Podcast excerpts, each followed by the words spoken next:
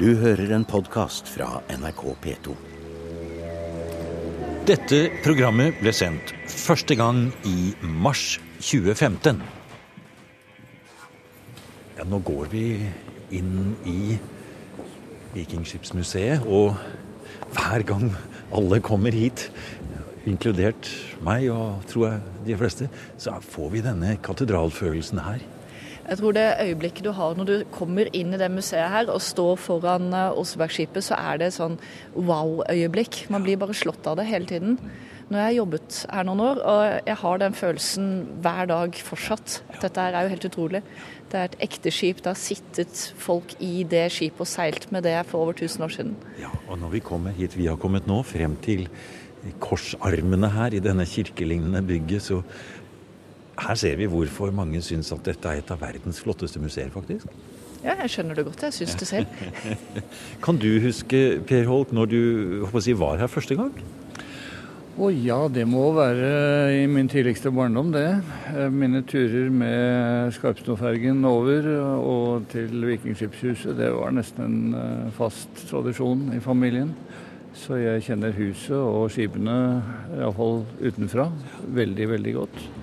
Og derfor var det spesielt hyggelig for meg å få avslutte karrieren nettopp i dette huset og eh, med dette materialet som er så unikt. Det er professor emeritus Per Holk og arkeolog og kunnskapsformidler Ellen Marie Næss som tar oss med på tur til Vikingskipshuset og inn i førkristen tid. En tid hvor kvinners rettigheter og plass i samfunnet var sterkere enn man kanskje skulle tro. Og det er der vi så lett går i en felle. For vi tenker at det har vært en lineær utvikling på alt som er, og at det er bare blitt bedre og bedre eh, fram til i dag. Og eh, f.eks. når det gjelder kvinnene i samfunnet, så eh, har de hatt en helt annen posisjon i det førkristne samfunnet enn de fikk når kristendommen ble innført og fikk som full impact i samfunnet. Og det er lett for oss å glemme. for vi tror Vi, vi tenker på forhistorien som, som, som, den, som middelalderhistorie. Og det har jo vært en tid lenge før det. Og før kristendommen kom, så hadde kvinnene en helt annen eh, samfunnsposisjon.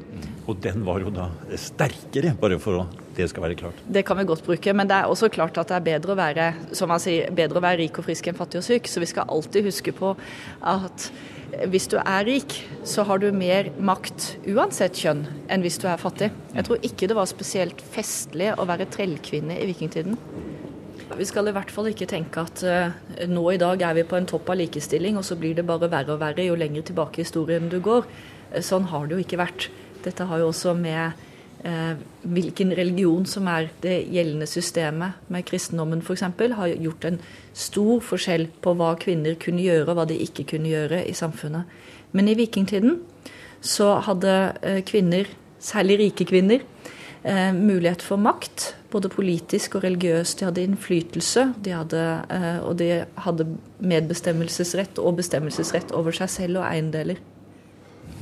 Som jo er litt viktig å huske på, for det kan jo fort eh, bli et bilde som kanskje ikke er helt riktig når man tenker på eh, det mer skal vi si, tabloide bildet av vikingtiden, som er menn som slåss. Ja, og du vil nok helst ikke se, eh, hvis du hadde reist tilbake til vikingtiden, se kvinner som slåss. Det vil nok en kvinne med respekt for seg selv og sin ære unngå så langt det var mulig. Denne slåssingen hadde man jo faktisk brødre og fettere og fedre til å ta seg av. Hun ville sitte og styre det hele. Hun ville være bak det. Eh, Osebergkvinnene eh, de drar ikke ut for å raide, for å, for å gjøre voldelig aktivitet, men de kan sende ut en gruppe med unge menn som gjør det. Og så sitter de tilbake og tar igjen alt, eh, alt fortjenesten. Er lurt? De hemmelighetsfulle kvinnene i Oseberghaugen heter omvisningen til arkeolog Ellen Marie Næss på Vikingskipshuset. Noen av disse hemmelighetene ble avslørt i annet Per Holks DNA-analyser av skjelett og tannemalje fra de to kvinnene som tidlig på 800-tallet fikk denne storslåtte begravelsen i Osebergskipet. Det var to kvinner, en av dem gjerne referert til som Osebergdronningen, den andre som trellkvinnen. Begge godt voksne, men den ene eldre enn den andre. Men var det en dronning og hennes tjenerinne? Og hvem vet, hvilke roller spilte de i det førkristne vikingsamfunnet, i de rike områdene rundt Oslofjorden for 1200 år siden? Og selv om det er bedre å være rik og mektig enn fattig og syk, kan det nok hende at begge Oseberg-kvinnene var både rike og mektige og tilhørte samme samfunnsklasse, men de var også syke, sier Per Holk. Syke har de nok vært, men neppe fattige. Og bare den begravelsen de har fått, eh, det viser jo hvilken posisjon de hadde i datidens samfunn. Og eh, det er jo også gjort uh, målinger av uh, et karbon som kan avsløre hva slags kosthold de hadde. Og begge to har hatt omtrent det samme kostholdet. Det kan være tilfeldigheter, selvfølgelig, men det kan også peke på at begge to har tilhørt det samme overklassesamfunn. Det er jo spor etter skader som åpenbart har oppstått i disse kvinnenes ungdomsår og som fremdeles kan gjenfinnes på skjelettet. Eh, det er slitasje, det er forkalkninger, det er bruddskader som er tilhelet, og mange slike ting. Men nå skal det også sies at begge to var nok eh, godt over gjennomsnittsalderen eh, den gang. Den ene har åpenbart vært over 70, kanskje over 80 også. Den andre har vært rundt 50, kanskje. Og det er jo i begge tilfeller langt over det som var vanlig den gangen. Hadde de leddgikt? Leddgikt eh, Det kommer an på hva du mener med det. Eh, leddgikt eh, setter sine spor, får vi si, i form av økt slitasje. Men også skader skaper økt slitasje. Så hvorvidt dette har vært en reell revmatisk lidelse, eller det har vært eh, følger av skader, kan være veldig vanskelig å avgjøre. Men det er ikke helt utenkelig at den eldste har hatt en spesiell form for leddgikt som har eh, smeltet sammen noen av hennes eh, og eh, gjort at ryggen har vært stiv. Ja, Ellen Marie Næss, dette er jo for meg veldig fascinerende å høre. Vi ser nå for oss disse to kvinnene på en litt annen måte. Eh, men du sier det er, det er, så mange ting vi ikke vet om livene deres, men det er jo en del ting vi vet. For her i Vikingskipshuset så står det utstilt mange gjenstander som de fikk med seg. Hva forteller disse gjenstandene om disse livene de har levd? Jeg tror jeg må få lov å ramse opp litt. Ja. For når, når, vi står her i Vikingskipshuset, som du sier, så ser vi jo veldig mange ting rundt oss. Og så tenker vi disse to kvinnene har fått et flott skip til å bli begravd i, og de har fått mange fine ting med seg. Men jeg tror allikevel ikke vi skjønner hvor mange ting det er. Her er det snakk om 15 hester. Og det er to okser, det er seks hunder, det er en vogn, det er tre sleder, en arbeidsleder, det er bøtter, det er spann, det er spader, det er sko, det er klær. Det er alt mulig man kunne trenge på en bondegård, og litt til. Mm som disse her har fått med seg. Og det må jo være en grunn til det, for dette er en grav som, som er helt annerledes enn hva andre folk på den tiden har fått. Så det er noe med disse kvinnene. De er, det er noe mer enn at de er bare rike kvinner. Og I hvert fall for meg så holder det ikke å si at de er rike kvinner fordi de er gift med en konge. Det holder ikke. Det er noe med dem selv. De hadde en selvstendig rolle og plass i samfunnet. Og mange ting her på Vikingskipshuset og i funnet for øvrig, som kanskje ikke er utstilt engang, tekstilene f.eks., kan jo fortelle litt om det, kanskje? Eh, begge disse to kvinnene har hatt på seg eh, klær som har vært av fine, dyre stoffer. Og de har også vært pyntet med silkeremser, små, smale silkeremser, som har vært importert langt av gårde fra, kanskje fra området rundt Svartehavet. Så dette er dyre ting, det er spesielle ting. Og det ser ut som begge kvinnene har hatt det. Og da er det jo noen som sier at ja, men den ene, det er hovedpersonen her. Den andre må ha vært en trill som han bare har ofret. Og jeg tror ikke helt det. Det ser ut som begge disse to kvinnene har hatt en veldig viktig og høy posisjon. Og kanskje mye pga. klærne de har hatt på seg. Hm, spennende. Dette nikket du til, eh, Per Holk? Ja, det har liksom vært tradisjonen da, at den eldste skal være uh, Osebergdronningen. Dronning Åsa, eller hva vi skal kalle henne. Men det er jo et faktum at den yngste, som vi har bevart noen tenner på, uh, har brukt tannpirker. Og det var avgjort en sjeldenhet, tror jeg, i uh, vikingtiden. Vi har jo bevart en del vikingtidsskjeletter. Og jeg har aldri sett spor etter bruk av tannpirker på noen av disse. Ja. Det er vanskelig å tenke seg en trill som sier at jeg skal gå og hente det vannet, jeg skal bare fikse, fikse meg litt først. Den, den, er, den, er, vanskelig å tenke seg. Uh, og så blir det den der måten vi er hengt opp i, at det på absolutt må være den eldste som er hovedpersonen. Det må det jo slett ikke. Nei, nettopp. Ja, fortell litt mer om det, Ellen Marie. Altså, der, ja, nå peker du her. Nå kommer du frem. Å, dette er en flott monter vi står og ser på her nå. Med mange av de eh, kanskje gjenstandene som noen kan være fristet til å gå forbi fordi vi er så blendet av skipene. Men fortell litt om hva vi ser på her. Jeg, jeg måtte jo bare trekke fram en av de mange yndlingsgjenstandene. Og jeg liker nå, og syns den er veldig spennende, den teorien om at en eller begge av disse kvinnene har hatt en religiøs posisjon. De har vært en, en slags prestinne, en slags volve. De har hatt eh, noe, eh, noe ekstra med seg. Og mange av de gjenstandene som vi har stilt ut her, gir oss indikasjoner på det. Og da trakk jeg fram eh, noe som er en sånn metalldings. Det er to håndtak med masse ringer på. Og nei, vi vet ikke helt hva de er. Vi kaller, vi kaller de rangler. Man finner dem i vikingtidsgraver og vikingtidsgraver med hest. Eh, I Åseberggravet var det flere av dem. Og de, og de henger rundt her. Vi ser jo disse ringene. Og det er små ringer, og det er to slags størrelse på ringene. To store håndtak som man kan tenke seg man kan holde med to hender. Og, og kanskje heve foran seg og, og, rasle med, eller rangle med. da. Og den andre rangelen som vi ser bort på veggen der, den ser litt annerledes ut. Det ser ut som det har vært et mye større, lengre håndtak. Som har festet kanskje et trehåndtak som har gått på dem. Og enda en henger der, og enda en. Så det er flere av disse. Og flott utsmykket. Ja, De er veldig spesielle, og særlig noen av dem er jo veldig veldig forseggjort. Og det har åpenbart vært veldig dyre ting. Og de lå i gravkammeret, og de var knyttet sammen med et tau rundt noen sånne flotte dyrehoder som man ofte ser på bilder og plakater. Som fine, eh, litt skumle, utskårende hoder. Um, og knyttet sammen med tau. Og dette tauet gikk til dels gjennom munnen på disse dyrehodene og inn gjennom disse ranglene, så det har hengt sammen. Og da syns jeg i hvert fall at vi ser prosesjonen stige frem her. Ja, jeg syns vi gjør det. Ja. Jeg eh, tenker meg jo at denne vognen som har vært brukt, og som lå i Osebergskipet, den har vært eh, kjørt med. Den har nok ikke vært en transportvogn for å transportere korn i. Jeg tenker meg den i en, et opptog, en posisjon religiøst eller politisk, eller begge deler. Det henger jo gjerne sammen, dette et opptog hvor man har båret disse dyrehodestolpene, hvor man har brukt disse ranglene og kjørt med vognen i en sånn seremonisammenheng. Og da er det jo én eller to kvinner som går først i den prosesjonen, nemlig Osebergkvinnene da?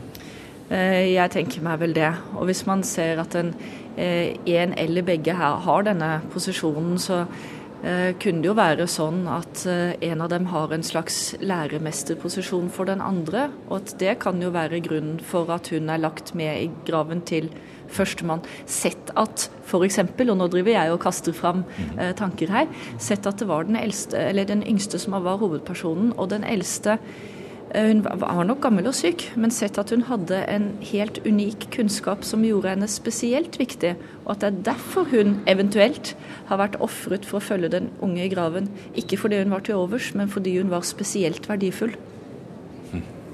Jeg liker den teorien. Det gjør jeg. Jeg har egentlig aldri tenkt meg den muligheten, at det kan ha vært en slags opplæringsfase.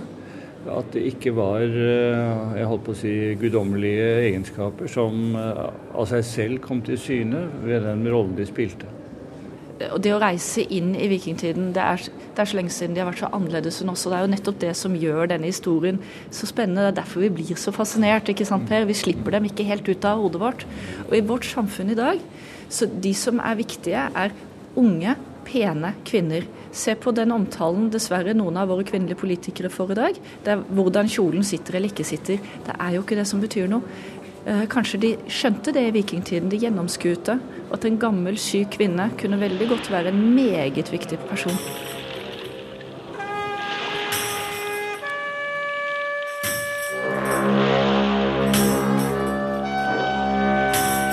Alle lydene her er laget med helt nøyaktige kopier av arkeologiske funn fra vikingtiden. Det er gruppen Musica Svesia fra Gotland som spiller på jernrangler og en replika av Osebergluren. Kanskje er dette noe som ligner lyden av en førkristen prosesjon. Eller kanskje ikke. For noen ganger er det slik, sier Ellen Marie Næss på Vikingskipshuset, at arkeologiske funn kan bli tolket annerledes av nye generasjoner av arkeologer i en ny tid. Ja, Vi snakker jo litt om hvem disse kvinnene kan ha vært, og de forskjellige teoriene som har vært og fortsatt er. Og øh, de har jo blitt Bl.a. i denne utstillingen her så ser man jo at det er husfruen som, som blir vist der, de, den administrative lederen. Eh, men sett at de gjenstandene ikke er helt det man har trodd, sett at dette som her blir tolket som en ridepisk, kanskje ikke er en ridepisk, men noe helt annet. Sett at det er en volvestav, altså en stokk, som en, en, en religiøs kvinne, eh, en utøvende kvinne, har med seg. Og så er det jo ett funn som mange, som mange nevner og det er jo denne posen som en av kvinnene har rundt halsen. Fortell litt om den. Ja, Jeg lurer på om jeg skal gi den over til eh, Per etter hvert. Men, ja. det, eh, men eh, den, en av kvinnene har hatt en liten pose med cannabisfrø med seg på drakten. Og de ja, ja, vet, vet, man hva slags frø det var? Altså hva slags cannabisfrø det var? Om det var sativa eller denne som brukes til tau? Ja, det er litt usikkert der. Eh, men eh, jeg vet at Per har jobbet med ja, det. så da får, vi, da får vi gi ordet til deg, Per, som nær sagt en rettsmedisiner, vil jeg nesten si. Altså, eh, Er denne posen bevis for at de røykte cannabis, eller brukte cannabis til, til Altså var det til rus, eller var det til å lage tau? Det vet vi jo selvfølgelig ingenting om. Men uh, funnet i seg selv, altså cannabis uh, i alle former, har en smertestillende effekt også. Det er ikke nødvendigvis rusen som er uh, det essensielle, men at det er en smertestillende effekt også. Og for meg som medisiner så er det jo veldig fristende å se på dette som en medisin eh, mot smerter.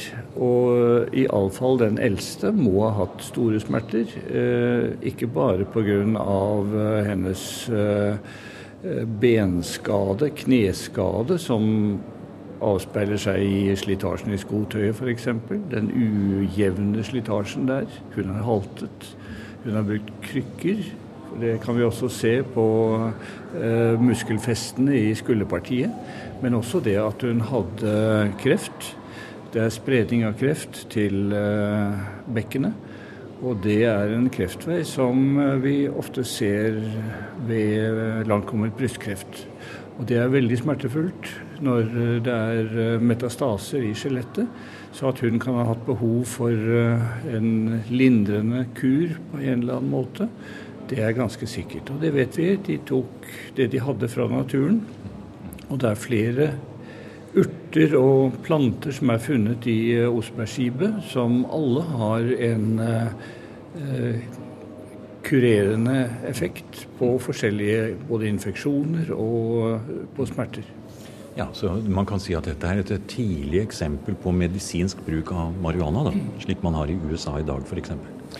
Det er kanskje en litt moderne måte å si det på, men at uh, fortidens mennesker hadde en uh, meget god kunnskap om naturens uh, spiskammer i den sammenheng. Det er helt klart. Og det kjenner vi jo fra folkemedisinen, som faktisk ble holdt i akt og ære helt i mellomkrigsårene, og kanskje til og med etter 1950. Jeg har litt lyst til å, å kommentere eller stille spørsmål til deg også. for det Eh, hvis det nå er slik som jeg tror, at en eller begge av disse kvinnene har en religiøs posisjon, så vil det jo også være et behov for å komme i kontakt med, med de guddommelige. Og kan man ikke da tenke at to tanker på en gang? At det, det er fint med smertestillende, men eh, det kan være fint å få litt direkte kontakt med, med, de, med de guddommelige også? Kan man tenke seg her en dobbel, bruk av disse plantene? Det er helt klart at uh, den rusen som uh, cannabis kunne gi, også kunne bidra til å uh, fremstille henne som nettopp kontaktperson med det guddommelige. Det er jo nesten som vi kjenner fra Hellas og oraklet i Delfi, og de orakelsvarene som også der ble gitt i rus. Professor emeritus Per Holk ved Anatomisk institutt ved Universitetet i Oslo har i en årrekke vært en av Norges mest brukte rettsmedisinsk sakkyndige, og kan mer enn de fleste om brutal død, drap og vold i moderne tid. I tillegg har Per Holk en stor interesse for antropologi og arkeologisk skjelettmateriale, noe han også tok sin doktoravhandling på. I de senere årene er Holk kjent for nye og banebrytende DNA-studier og skjelettanalyser av bl.a. Osebergkvinnene. Og når han i regi av Henrik Bull inviterer på Historisk museum i Oslo, holder foredrag om drap, sex og vold i vikingtid og middelalder, så vet han hva han snakker om.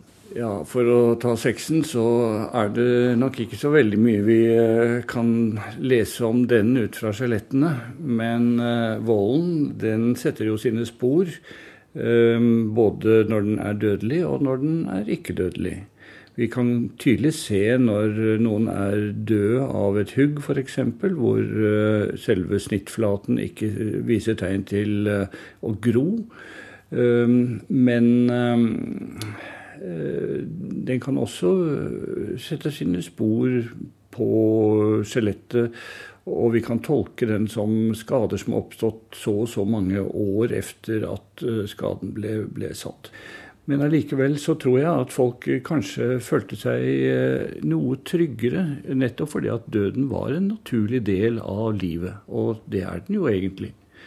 Eh, interessant er det jo også å se at barn eh, Vi har undersøkt eh, en del barneskjeletter. Og det viser at de hadde en tannstilling som avslører at de ikke sugde på tommelfingeren. Med andre ord, det var en trygghet i barnesamfunnet også. De visste hvor de hørte hjemme, og de fant seg til rette i det samfunnet de var vokst opp i. Ja, altså En trygghet, sier du, fordi man var så nær sagt fortrolig med døden? Er det det du tenker på, eller? Det er det jeg tenker på. Det å risikere å bli utsatt for vold og sykdom og død, det var en naturlig del av livet. Er det mye skjelettmateriale i det hele tatt til disposisjon for dere som forsker på det, når vi tenker vikingtid og tidlig middelalder i Norge? Ja, vi har jo ganske mange skjeletter bevart fra middelalderen. Og de har jo fremkommet gjennom arkeologiske utgravninger. Vi har såkalte skreinerske samlinger ved Universitetet i Oslo. Eh, hvor det er ca. 8500 skjeletter. De aller, aller fleste er fra norsk middelalder. Eh, vi har relativt lite fra vikingtiden, og det skyldes vel kanskje vikingtidens gravskikk, hvor man også øh, hadde kremasjoner, brenning av lik. Og vi oppbevarer ingen slike branngraver hos oss. Men øh, jeg har undersøkt noen tusen av dem også, og de viser også at det har vært huggskader og også sykdommer. Selv brannlik kan Eh, avsette spor. Og det skal vel godt gjøres å finne noen som er bedre i stand til å vurdere drap og vold i vikingtid og middelalder, og så sammenligne det med denne type kriminalitet i våre dager. Og kortversjonen er at det var mye verre før, sier Per Holk. Eh, når jeg ser på antallet eh, skjeletter med dødelige huggskader og den eh, formen de er gitt i, eh, så ser jeg jo klart en forskjell fra dagens eh, drap, som er, om jeg må si, enkle sammenlignet. Her er det en villskap som vi ikke finner igjen i vår egen tid. Vi har bevart skaller hvor det er eh, opptil fire-fem hugg. Ett eneste hadde vært nok til å ta livet av vedkommende, så de gjorde skikkelig arbeid. Ellers så ser vi gjerne huggskadene i eh, underekstremitetene, i kneregionen, som kanskje var ubeskyttet i en kampsituasjon. Ehm, det var nok den foretrukne stedet å hugge. Og når man da hadde fått inn en fulltreffer der, så, og vedkommende lå forsvarsløs på bakken, så var det kanskje litt lettere å ta livet av vedkommende. Men vi kan også se at uh, disse huggskadene slett ikke bare omfattet menn, men også både kvinner og barn. Og det kan gi oss en uh, anelse om hvordan det var i nettopp i borgerkrigenes Norge, slik den uh, gjenfortelles i bl.a. Håkon Håkonssons saga. Det er ikke måte på hvordan de hugger rundt seg på alle mulige måter og dreper uh, hvem det skulle være. Kvinner og barn, sånn som jeg nevnte. Um, og vi kan også forestille oss hvilke lidelser disse menneskene har gjennomgått. Ikke bare disse som eh, ble hugget ned, men disse som fikk sår, som døde av infeksjoner. For det var jo infeksjonsfaren som var den aller største den gangen. Det var det folk døde av den gang som nå i enkelte land. Mm. Så vi må jo bare filosofere over hvilken hjelp de kunne motta. Var det kloke koner? Var det kunnskap innen familien? Hvordan har det blitt pleiet? Eh, hvordan var eh, familiens situasjon når en eh, familiefar eller mor gikk bort? Hvordan gikk det med barna, de etterlatte? Det er mange slike tanker man gjør seg når man sitter med et sånt viktig materiale som forteller mer om samfunnet enn noen skreven bok gjør. Du har nå hørt en podkast av programmet Museum fra NRK P2. Og send gjerne en e-post til museum krøllalfa nrk.no.